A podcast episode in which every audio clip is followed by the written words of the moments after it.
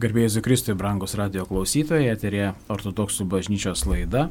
Šiandieną pas mus svečiuose Lietuvos ortodoksų bažnyčios auxiliaras Trakų vyskupas Ambrosijus, garbėjai Zikristui.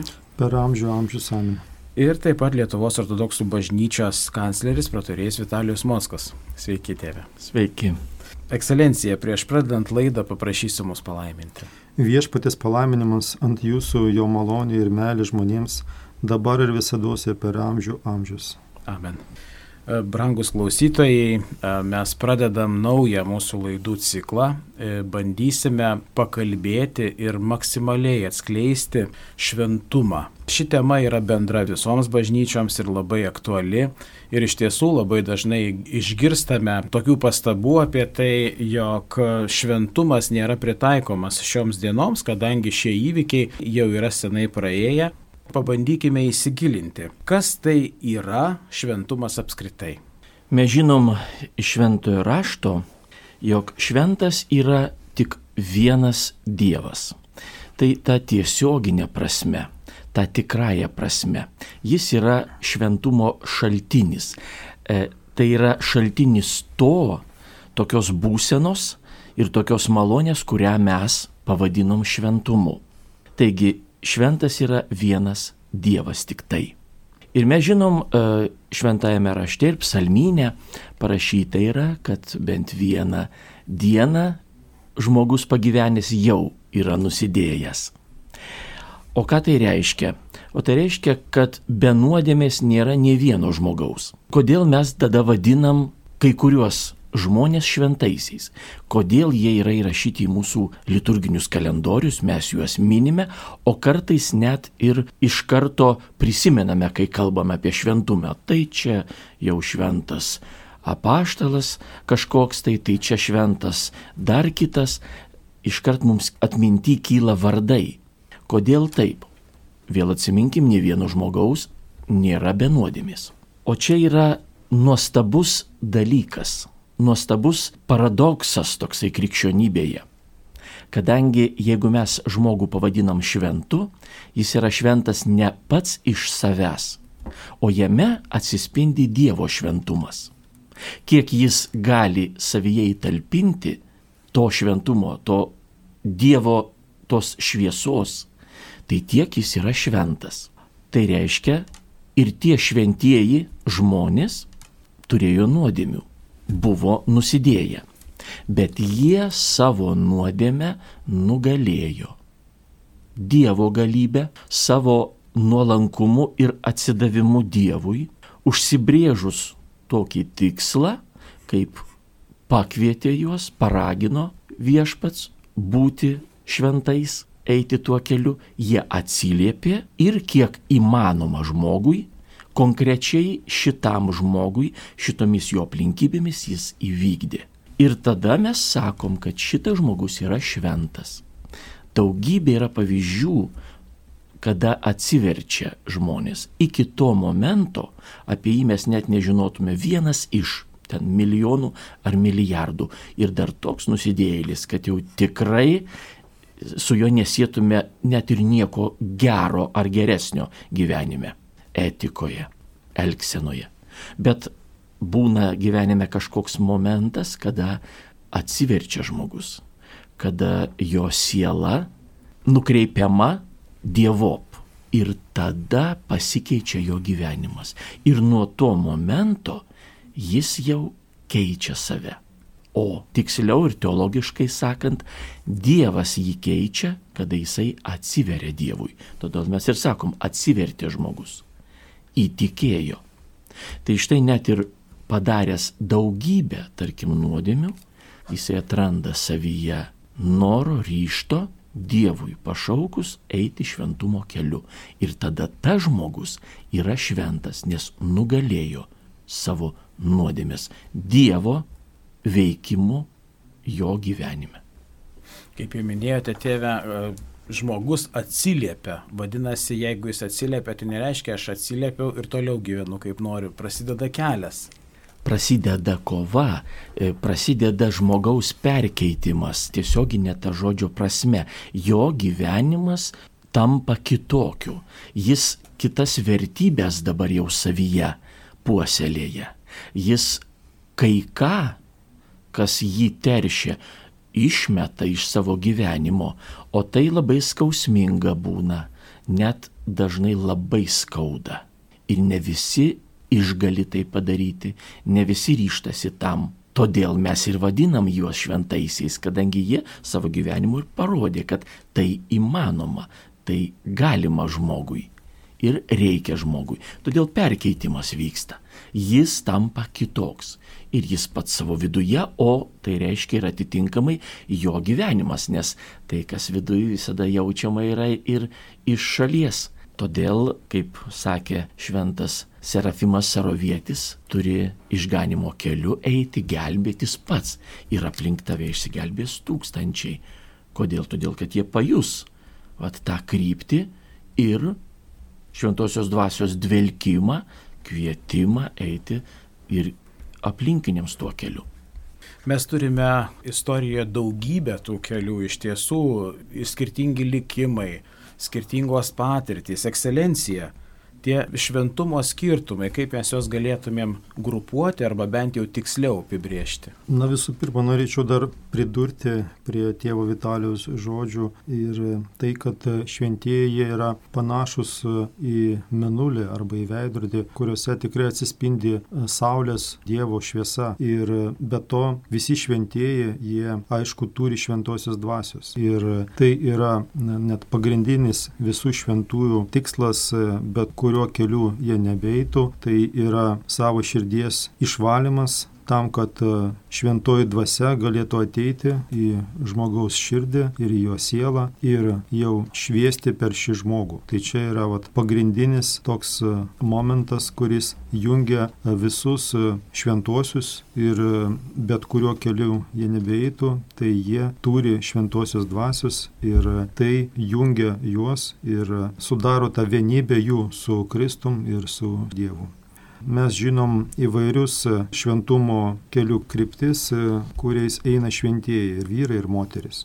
Bažnyčios istorijoje žinomi ir apaštalai, žinom mes ir tolygus, ir tolygės apaštalams žmonės šventuosius. Yra ir šventieji valdovai, ir valdovės, yra ir šventieji viskupai, ir archai, bet to mes žinom ir šventuosius vienuolius ir vienuolės, kurie ėjo savo kelių jau vienuolynuose. Žinom ir šventuosius kunigus, kurie turėjo ir žmoną, ir gyveno šventai, ir ėjo savo kunigo pareigas taip, kad daugumą žmonių atėjo pas Kristų per juos. Yra ir šventieji Dievo palaiminti, išreiškintis save žmonių akise neprimtinais dėl savo elgesio bet čia yra labai išskirtinis toks e, kelias. Yra ir teisėjai, pasauliečiai, dvasininkai, einantis Kristaus keliu. Ir be abejo, kankiniai, kurie gali būti ir kunigais, ir dvasininkais, vienuoliais, viskupais, pasauliečiais. Ir visi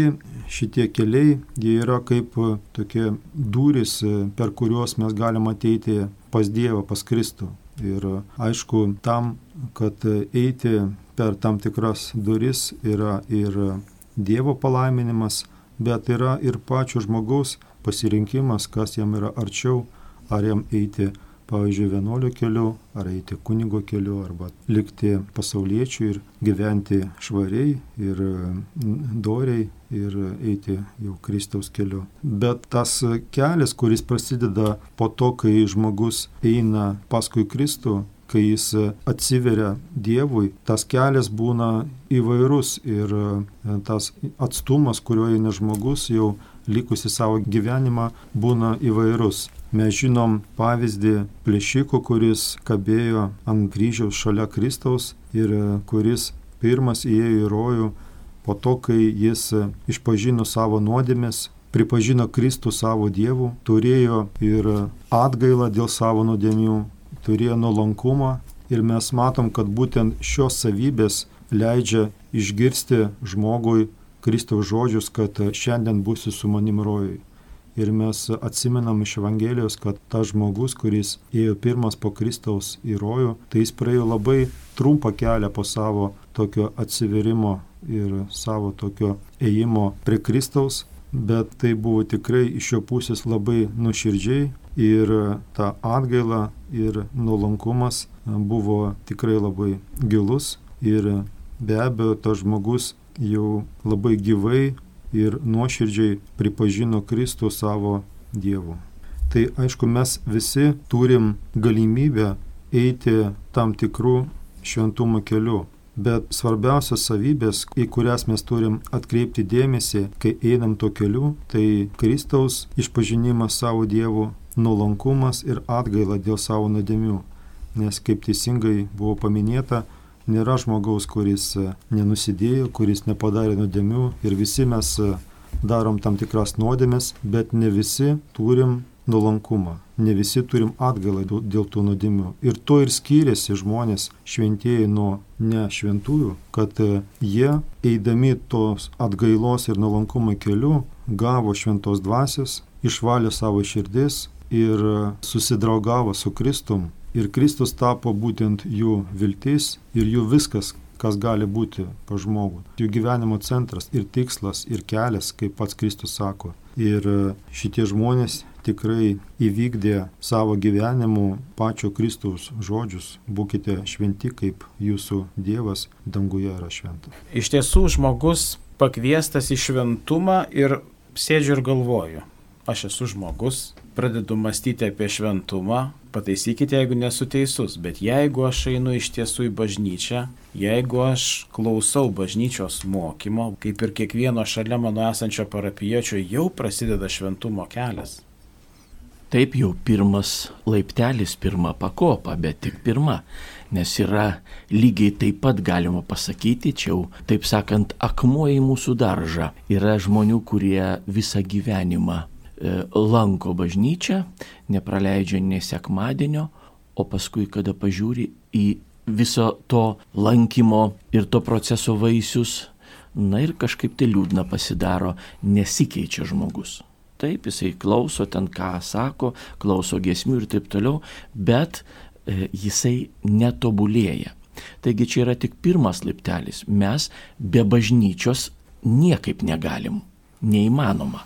Nes bažnyčia yra mistinis Kristaus kūnas, mes ta jo bendruomenė, jo šeima. Ir pašaukti šventumui, o tai reiškia, kad mes turime širdį tyrą padaryti pasiekti, gyventi taip, kad mumise nebūtų to purvo, to, tos tamsos, tos nuodėmės ir to pikto e, veikimo jo pėdsakų.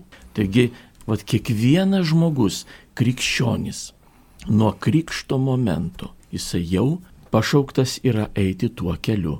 Mes kai kurios žmonės vaikus, savo globotinius ugdome, mokome to, arba jeigu suaugęs jis jau pats turi samoningai eiti tuo keliu, bet kiekvienas žmogus, kiekvienas, tik turėtume žinoti, atsiminti ir niekada to nepamiršti, ne tik išoriškai.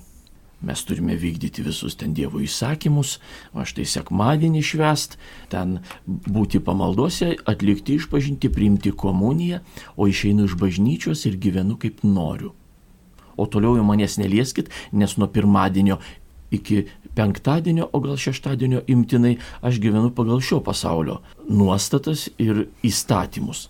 Ne, aš visur esu krikščionis. Kodėl čia buvo va taip dabar gražiai išvardinti visi tie e, šventųjų būrei, ir apaštalai, ir teisėjai, ir kankiniai, ir visi, visi kiti. Ir dar visokių e, galėtume dar tame, tame įvardyme dar kažkokiu tai atrasti su savom detalėm, gyvenimo detalėm. Kodėl jie išvardinti buvo? Todėl, kad kiekvienas gali atrasti vat savyje uh, tą kelią savo gyvenime. Mes tą liūdėjom istoriją, ar ne? Taip. Visą istoriją ilgametę. Taip, bet ne tik jie, va ten tie, kada tai ten gyvenė, va tie šventieji, tai jie taip ir ėjo. Aš taip pat jau žengiau tuo keliu. Bet aš turiu ne tik išoriškai visą tai atlikti o paskui nuo pirmadienio jau gyvent, kaip gyvena visi ir neišsiskirt. Ne, išsiskirt mes turim. Kuo? O tuo, kad mes viduje keičiamės, mes viduje kitokie esam.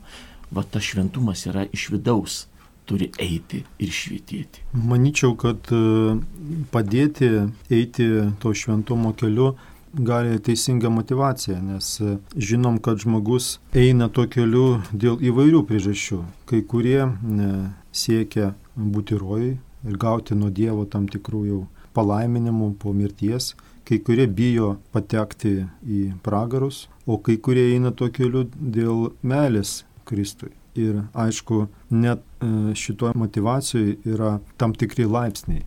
Ir aišku, aukščiausia motivacija yra meilė Kristui. Jo toks žmogaus atsakymas Dievui į tai, ką Dievas mums padarė. Ir jeigu tai yra gyvenime, tai žmogus va, tampa tokiu kaip bepročių Kristui, ar ne? Kai va, įsimylėjęs e, jaunolis pastoviai galvoja apie savo mylimąjį, taip ir žmogus pastoviai galvoja apie tai, kad jis nori būti su Kristum, kad jis nori eiti to keliu, kad jis turi kažkaip neprarasti laiko tam, kad e, tas laikas nebūtų nepanaudotas e, tam tikslui. Ir e, šventieji, kurie ir plamai žmonės, kurie nori, nori būti su Kristum, tai jau ir ta mintis, ir tas noras yra jų ta pagrindinė tokia gyvenimo kryptis, tai visi kiti tikslai jau tampa netokie svarbus, netokie esminiai.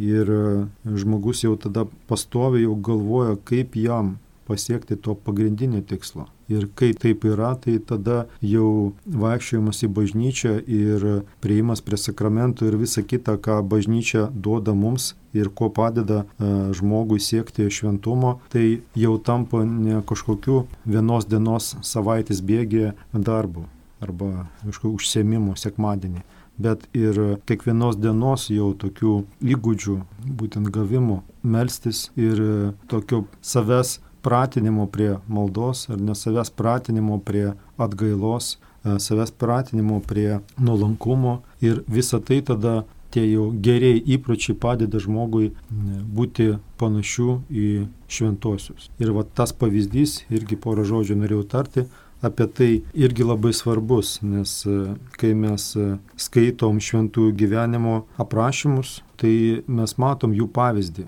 Ir tai jau padeda kiekvienam žmogui suprasti, kaip šventieji, kurie buvo paprasti žmonės, kaip jie savo gyvenime įvykdė Evangeliją, kaip jie savo gyvenime gyveno pagal Dievo įsakymus ir kaip jie kovojo su savo aistrom. Tai tikrai labai padeda kiekvienam žmogui suprasti, kaip tai galima taikyti savo gyvenime kaip įgyti tam tikrų savybių, kurie turi šventieji. Ir žmogus, kuris turi kaip pavyzdį būtent šventuosius, tikrai manau, yra protingesnis negu tas, kuris ima pavyzdžių kažką kitą. Pavyzdžiui, žmogų, kuris irgi labai žinomas ir yra labai pasaulyje net e, gerbiamas, bet jo tikslas nėra eiti paskui Kristų. Jo tikslas yra, pavyzdžiui, kažkoks kitas. Ir jeigu mes imsim iš jo pavyzdį, tai mes galim pasiekti to pačio tikslo, kurį turi tas žmogus ir kurį net pasiekė tas žmogus. Pavyzdžiui, turėti valdžią arba būti turtingu, įtakingu, bet tai nebus šventumas, tai nebus vienybė su Kristum. Ir mes suprantam, kad visą tai mes paliksim čia, aš turiu menį tą, ką mes gausim žemėje, o būtent vienybė su Kristum liks su mumis, jeigu mes pasiekėm tuo. Yra toksai posakis labai gražus Sako, protingas žmogus ras iš kiekvienos situacijos išeiti. Išmintingas gytas situacijas nepapuls. Taigi tas šventumo kelias, jeigu iš tiesų aš esu išmintingas ir suvokiu, jog aš vis tiek mirsiu. Dar plus nežinau kada, reiškia, esu ekstremalas, nes rizikuoju tuo, kad aš galiu mirti bet kada. Apie patį tą va, šventųjų tėvų sėkimą pavyzdį ir, ir šioje vietoje norisi pakalbėti apie patį dalyvavimą. Jie turi dalyvauti mano gyvenime. Bet kaip man pritaikyti? Nu, sena istorija. Senai girdėta, atrodo, ir įvykių tokių jau pas mus nebėra.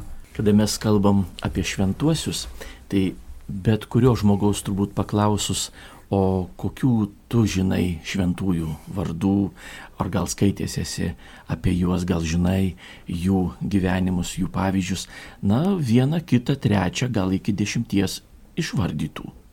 Ir dar kai ką papasakotų, gal ne visi, bet mes jau kalbam apie tokius bažnytinius žmonės, e, daug maž. Bet iš tikrųjų turbūt e, daugelis nusteps, jog šventųjų yra tūkstančiai Apie vienus iš jų mes žinome labai mažai, nes neišlikę dokumentų yra tik galbūt pats faktas jo kankinystės ar kito kokio žygdarbio, o bet apie kitus mes žinome ir gana daug, ypač tos, kurie gyveno e, na, e, vis arčiau ir arčiau mūsų laikų. Taigi galbūt vėl nusteps, kiekvienas iš mūsų galime atrasti ten pavyzdžių konkrečiai man, mano gyvenime, mano veiklai. Keista būtų, bet yra, tarkim, šventųjų e, kapinių prižiūrėtojų. Ar mūsų kapinių darbuotojai ir prižiūrėtojai žino apie juos, ar skaitė, ar kaip jie gyveno, o kaip jie rūpinosi tomis kapinėmis, kaip jie vykdė savo darbą, savo, savo tą oficiją, taip jiems palaiminta e, šitą pareigybę.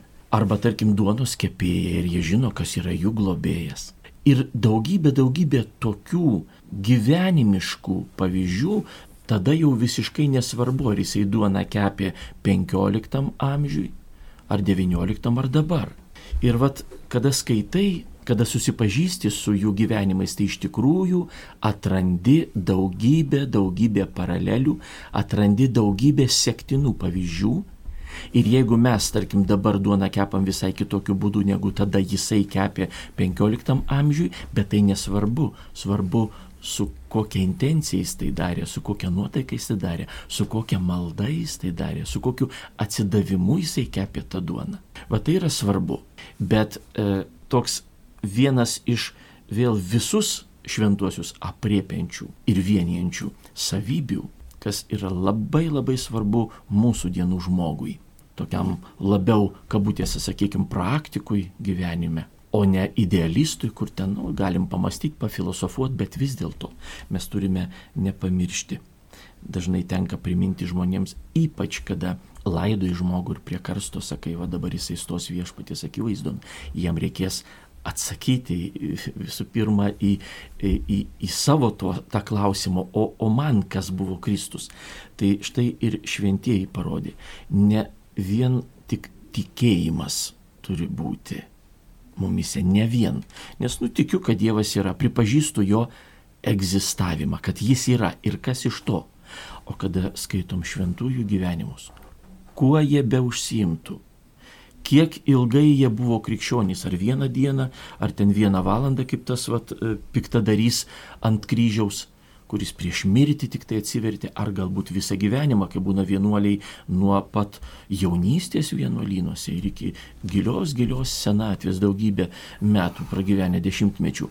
Nesvarbu, kur jie bebūtų, kas jie bebūtų, kada skaitom jų gyvenimo aprašymus, visada matom, kad jie labai, labai ne tik tikėjo, bet mylėjo Dievą. Ir va tos meilės Dievui iš jų mokomės. Dar norėčiau pridurti, kad e, taip mes kiekvienas turi tam tikrų draugų ne tik žemėje, bet ir danguje. Ir e, mūsų draugai danguje ir yra šventieji. Ir su kai kuriais mes susidraugaujam, kai skaitom jų gyvenimo aprašymą ir suprantam juos, suprantam, kad jie yra mums artimi. Ir norim irgi panašiai elgtis, panašiai eiti taip pat, kaip ir jie ėjo tuo keliu jie kažkaip tie šventieji, galima sakyti, mus įkvėpia net eiti tuo keliu. Be to galim ne tik skaityti, bet ir matyti. E, šventieji yra vaizduojami ikonose e, labai įvairiai ir e, su tam tikrais simboliais ir drabužiais, kurie rodo mums jų šventumo kelių kryptį. Be to ant ikonų yra net ištraukos iš jų gyvenimo, kur parodomi esminiai jų gyvenimo momentai, kur jie kentėjo už Kristų arba buvo žudomi kankintojų arba gyveno ilgai vienuolynė, stovėjo ant stulpų arba kažkaip kovojo su, su velnių tarnais. Ir net žmogus, kuris negali skaityti, bet gali tik matyti, tikrai gali suprasti šventuosius. Kai pirmą kartą atėjau į, būdamas vaiku, dar į šventos dvasios vienuolyną, kai dar Vilniaus kankiniai buvo laikomi žemiau negu dabar bažnyčios Rusija. Tai ten tada pamačiau pirmą kartą ne tik kankinius, bet ir ikoną. Ir kažkaip labai susijėjau ir šventųjų kūnus, kuriuos aš mačiau su tą ikoną. Kažkaip labai aiškiai supratau, kad būtent šitie žmonės, kurie dabar guli prieš mane, jie ir buvo kankinti, kaip yra pavaizduota ikonoje. Ir būtent dėl to jie dabar pavaizduoti ant tos ikonos su kryžiais, kurie yra kančios už Kristų simbolis. Ir tada, kai būdamas dar vaikų, susipažinau su šventaisiais, kurie yra Lietuvos globėjai. Ir iki šios dienos supranti tą ryšį, kuris atsirado, kai tu tik tai susipažinai su jais. Bet to šventieji turi ypatingą malonę užtarti prieš Dievą tam tikromis gyvenimo aplinkybėmis. Kaip jau minėjo tėvas Talius, yra šventųjų, kurie padeda kepti duoną, o yra šventųjų, kurie padeda, kai žmogus vairuoja automobilį arba plaukia su laivu, arba yra sunkiuose aplinkybėse, labai pavojingose aplinkybėse. Ir žmonės, kurie kreipiasi į šventuosius, kad jie užtartų prieš Dievą ir gavo tos pagalbos, tai tikrai susidraugavę su šventais. Ir tie šventieji tampa mums dar arčiau. Ir mes jau ne tik gerbėm juos už jų tą gyvenimą, kurie jie gyveno, bet jau ir turim tą padėką jiems už jų pagalbą labai sunkiuose mūsų aplinkybėse. Ir tai labai artina mus prie šventųjų ir ateičiai, aišku, šventieji, kurie mato, kaip mes gerbiam juos, skaitom jiems maldas, tarnaujam pamaldas, bažnyčiose jų garbiai, nes žinom, kad kiekviena diena yra skirta tam tikro švento garbiai. Tai aišku, tas mūsų įdarbis ir jų, mūsų maldos šventiems nepraeina šiaip savo pro šalį. Ir tai irgi mus vienyje su bažnyčia, kuri yra danguje. Ir ta draugystė stiprėja ir mūsų kelias žemėje darosi lengvesnis su šventųjų užtarimu iki kitos laidos, e, iki kol mes jau pradėsime kalbėti apie šventuosius, truputėlį pamastyti, o ką aš galiu padaryti, kad jau išgirdęs tą laidą gal netgi pasakyčiau, pradėdamas domėtis tuo šventuoju ir bandydamas pritaikyti tuos pavyzdžius savo gyvenime, kaip turėčiau save paruošti. Jūs paminėjote, kad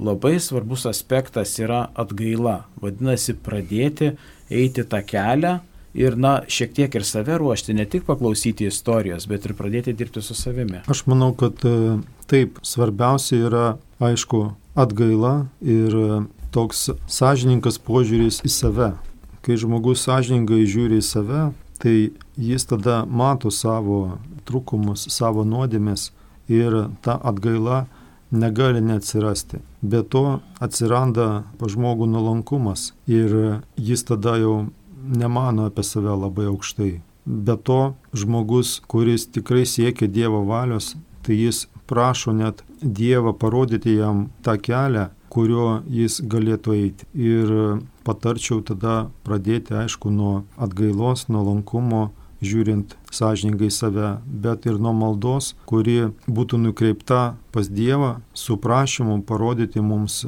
būtent tą kelią, kuriuo mes galėtume eiti. Būtent tą kelią, tos duris, per kurias mes galėtume įeiti pas Kristų. Be abejo, įtakoja jau ir tai, kokiom aplinkybėm mes buvom pašaukti, nes yra žmonių, kurie pašaukti ir priemė Kristų, kai jau buvo, turėjo šeimą arba turi šeimą.